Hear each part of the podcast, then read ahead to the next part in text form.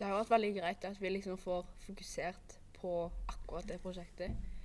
Og liksom Vi får såpass mye tid, så blir noe ordentlig bra.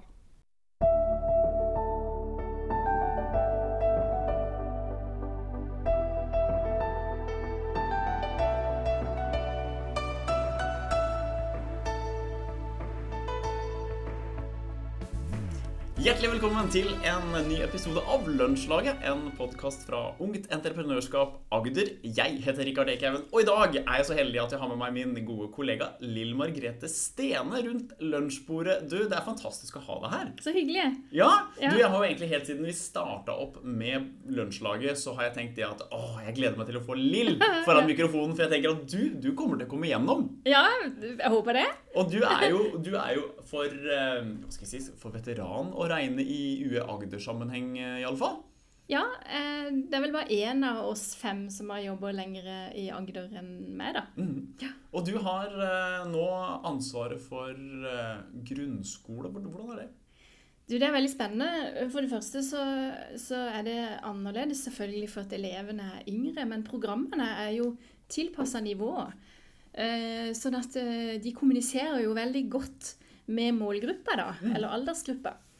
Eh, og så er det at vi har større variasjon, eller flere program på grunnskole enn vi har på videregående. Mm. Så eh, får være med på veldig mye forskjellig, da. Men alt springer jo ut fra disse programmene som er liksom Det er jo det vi gjør i skolen. Mhm. Det er en pedagogisk prosess. eh, En metode for læring. Eh, Så derfor så eh, skal ikke vi finne på så veldig mye nytt. Men vi skal bare gjøre det vi har. Altså den grunnstrukturen skal vi gjøre levende og aktuell. Og da er det ofte knytta til lokale forhold og det som skjer rundt eleven på skolen og hjemme. Det er litt sånn typisk eh, grunnskolefokus, da. Riktig. Så gøy. Og det er jo midt i blinken for det vi skal snakke om i dag, nemlig et program som heter Smart, som ligger til mellomtrinnet, og som fokuserer veldig på det å skape verdi for andre i lokalmiljøet for, for elevene. Sånn kort liksom sånn bakgrunnen for programmet Smart, eh, hva, hva er det? Hva ligger i programmet? Ja, For det første så er det jo en helt nydelig uh, tittel, eller navn, på det. eh, på det. Det, det sier jo veldig mye. Så det handler jo om å, å tenke smart og ta smarte valg ut fra et tema eller et eh, tankesett, da. Ehm, og så er det jo et av de nyeste programmene våre som har blitt utvikla bare Jeg tror det er bare tre år siden eller noe. Og det er jo ikke tvil, og det ser vi altså at hvordan de har sett til fagfornyelsen når de har satt sammen dette programmet. Og jeg som har et hjerte da for ungdomstrinn og grunnskole generelt, eh, er jo kjempefornøyd med at vi har fått dette programmet som handler om å være løsningsorientert. Det handler om kreative prosesser. Det handler om at fasitsvaret er ikke der. Eh, De må selv eh, ta noen eh, valg. Eh, håper å si i overflatelæringen, som er et nytt ord jeg har lært meg, som jeg syns er helt nydelig. Og så gå i dybden, og så gå inn i det som man snakker om, som er dybdelæring. Men her er de mest sjøl og definerer de rammene som de da skal bevege seg videre fra. For Smart er jo et program som, i, som består av fem elementer, eller fem, fem steg. Eh, Kan du sånn kort forklare for, eh, for en ny, ny lytter som ikke har vært borti programmet, litt hva man, hva man går igjennom? Ja, det er jo en styrt prosess, er disse fem fasene.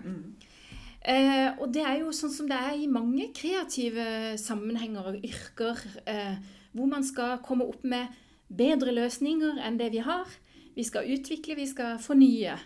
Eh, og eh, i programmet så ligger det at man skal løse utfordringer, sånn som du sa, eh, som er noe de selv kjenner på, ikke sant, lokalt. Men eh, de er jo ofte knytta opp mot globale utfordringer som vi nå står overfor og må løse. Så det er jo noe som er viktig å få eleven til, til å se i sin egen fremtid. Den holdningen, da. Så det er veldig mye holdningsarbeid. Eh, ja, tilbake til denne her kreative inngangen. Det er jo også å starte åpent og bredt, og elevene skal sjøl i samarbeid. Jeg tror ikke vi har noen program, eh, bortsett fra økonomiprogrammene, som ikke er samarbeid. Så det er ekstremt en veldig viktig ramme for læring i våre program. De åpner opp med kartlegging, med å dele med hverandre eh, utfordringer, frustrasjoner, ting de ikke er fornøyd med eh, i sitt eget liv. Og så er vi selvfølgelig opptatt av det med å skape verdi for andre. Og det betyr at det, det må være et problem som faktisk berører flere. Og dermed så får de et samfunnsansvar. ikke sant? De forstår at uh, gjennom sånne prosesser så kan vi være med og hjelpe andre. Eller forbedre også for andre. Eh, så da skal de gjennom denne åpne eh, inngangen klare å bestemme og sile ned til den viktigste. Den beste utfordringen, eller verste utfordringen, som de faktisk kan gjøre noe med. Uh, så er det det som er spennende, at de må i samarbeidet sile og argumentere og på en måte snu og vende på det de har kommet opp med. Og se både viktigheten, hvor mange andre berører dette og forbedrer eh, det for. Eh, og så er det litt det der med hvordan kan det gjennomføres. Det ligger jo i programmene, det, det er det entreprenørielle. altså På hvilken måte kan vi gjøre dette til en realitet, da. Eh, og da er det jo litt det med gjennomfør, uh, gjennomføringsgrad, eller muligheten for faktisk å gjøre noe med det, som er jo et, et uttrykk vi har i Ungt Entreprenørskap.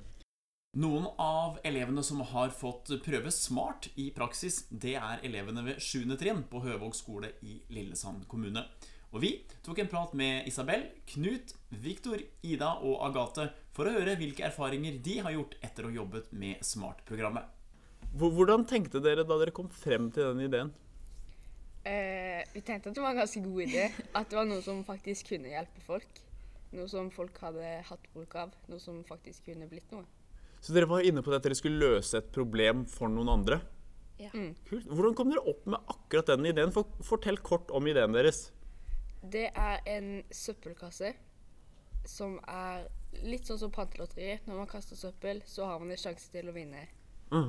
Så da var det, var, var det liksom ideen fra Pantelotteriet som satte dere i gang, eller? Ja, egentlig. Og så ja. meg og Knut hadde jo en idé på høsten. Mm. Eh, Og så var det jo litt den nå, da. Så dere videreutvikla en idé dere hadde? Ja, så bra.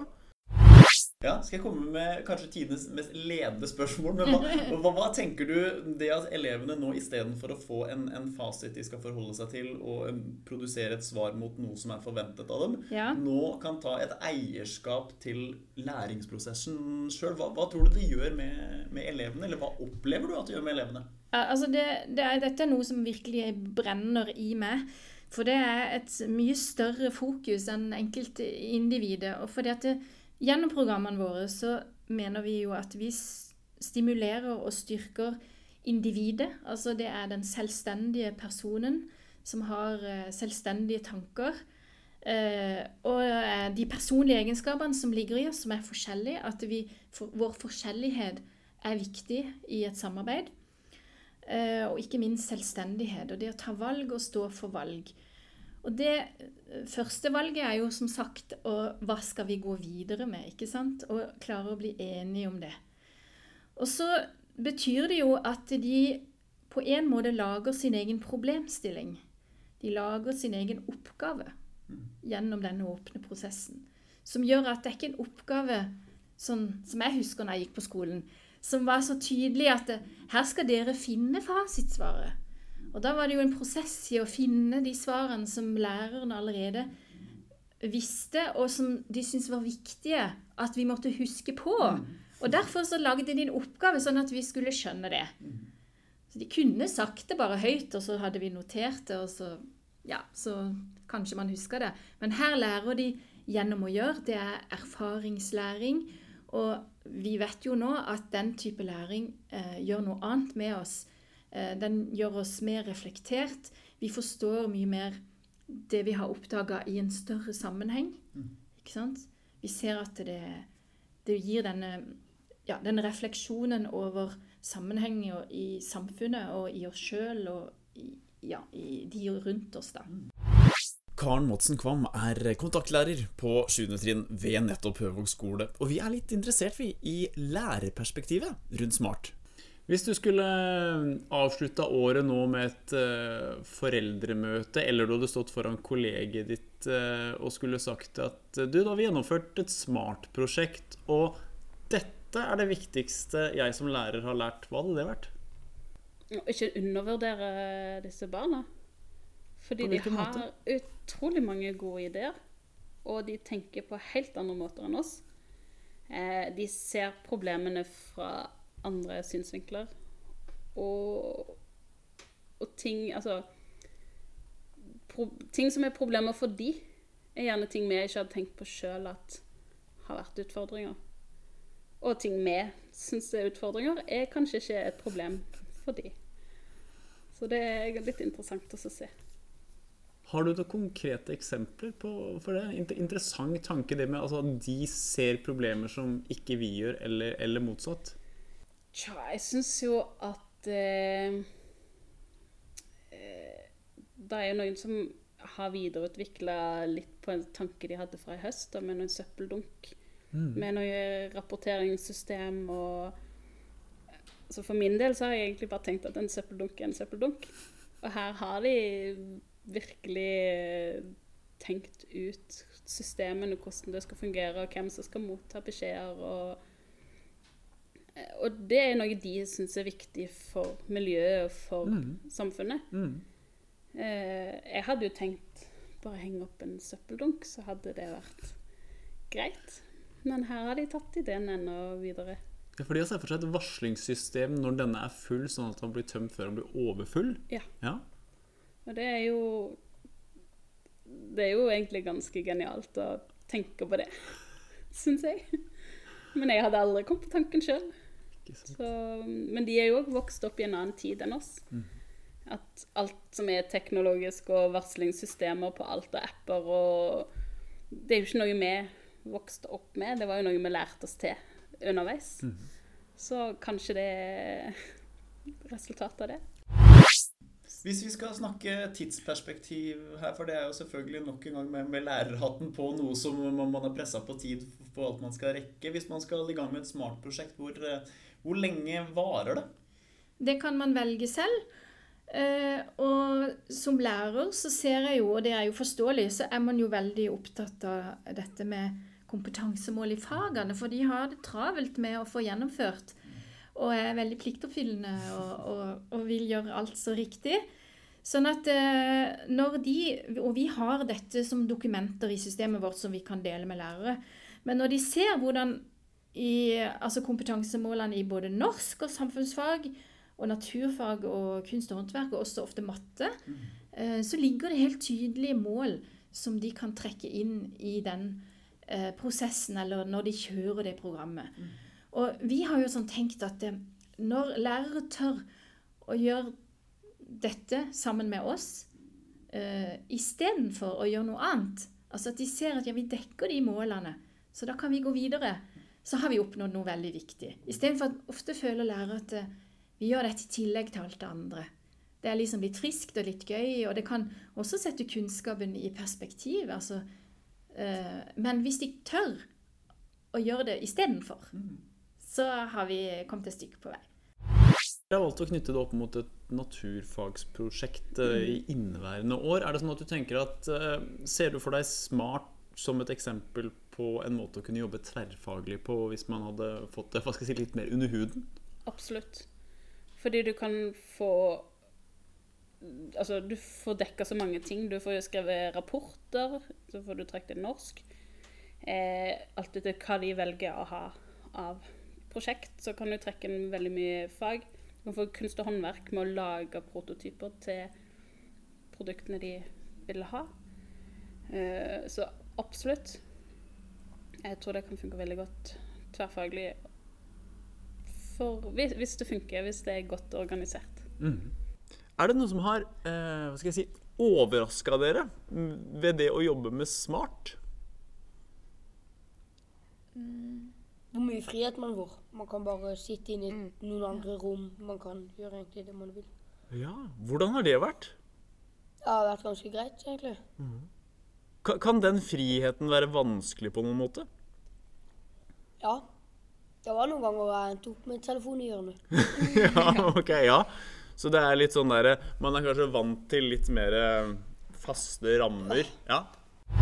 Skal jeg ta, ta på meg lærerhatten, for det må man, må man, man gjøre når man sitter i denne stolen her innimellom. Og så skal jeg spørre om dette her med kompetansemål, for selvfølgelig er lærerne opptatt av at man skal oppfylle kompetansemålene i, i læreplanverket. Og dette her med tverrfaglighet som ligger i, i Smart-programmet, og som ligger egentlig i alle programmene til, til Ja. Ungt Entreprenørskap. Eh, hvor, hvordan svarer de på, eh, på, på måloppnåelse? Altså Når det gjelder metode, så er vi jo veldig, veldig aktuelle i forhold til de overordna målene. Og så er det disse tre kjernetemaene som, som vi på en måte treffer nesten uansett hvilket tema vi går inn i. Eh, For det er noen ganger skolene velger et overordna tema, f.eks. For forurensning av hav. Og det er jo en global utfordring. Men eh, å se hvordan den starter eh, lokalt, ikke sant? Så eh, det brukte vi da på en skole nå i høst. Og de valgte å kjøre en smart i inngangen til en fordypning videre. Så vi var med på en måte og satte i gang prosesser, og ikke minst kreativiteten og entusiasmen for temaet. da. Hvis du skulle starta det på nytt nå etter å ha gjort noen måneders erfaring, hva, hva ville du gjort annerledes for kanskje å føle at du hadde fått enda større utbytte av det programmet? Eh, Jeg ville kanskje eh, Først og fremst så ville jeg hatt over tid. Mm. Men jeg ville kanskje hatt eh, en intro, og så begynt å jobbe litt. Og så hatt en innspurt der det ble litt mer samla. Med kanskje en uke eller en halv uke der det virkelig var jobbing med prosjekt. For, for noen elever så kan det bli ganske langsiktig, langdrygt og vanskelig å fordele arbeidet. Det er jo for elevene òg en ny måte å gjøre ting på. Eh, ikke alle 12-åringer og 13-åringer klarer å fordele arbeidet sjøl over så lang tid. Ehm, nå har elevene har skrevet logg for hver gang, sånn at vi kan ha en viss innsikt i hva de har gjort. Eh, det ville jeg absolutt hatt med til en annen gang òg, med loggskriving. Tidsramme det kan være fra to dager til tre uker. Eh, noen velger å, å jobbe hele dager. Andre velger å jobbe i noen timer. Tidsrammen sier bare litt om hvor mye de finner ut av. Hvordan de kan liksom eh, komme litt mer i dybden på, på den utfordringen og det temaet som de går inn i, da. Så viser vel også forskningen at uh, klarer man å, å trekke det over litt lengre tid, så vil også læringsutbyttet for elevene være større. Ja, absolutt. Helt uavhengig av hvor mye man jobber faktisk i den perioden. Det kan være to timer i uka, og så eh, likevel så skjer det noe i, i hodet på de etter tre-fire uker. Lill, det har vært Ja. fantastisk hyggelig å ha deg rundt lunsjbordet. Ja, takk for det. Du, det. dette må vi gjøre oftere. Ja, det var eh, Ja, men vi har jo flere program, da. Vi, vi skal snakke mye. Ja. Ikke tenk på det. Så det Husk at dere kan følge oss også på Facebook, på Instagram og på LinkedIn. Tusen takk for at dere tok dere tid til å høre på Lunsjlaget. Vi høres snart igjen.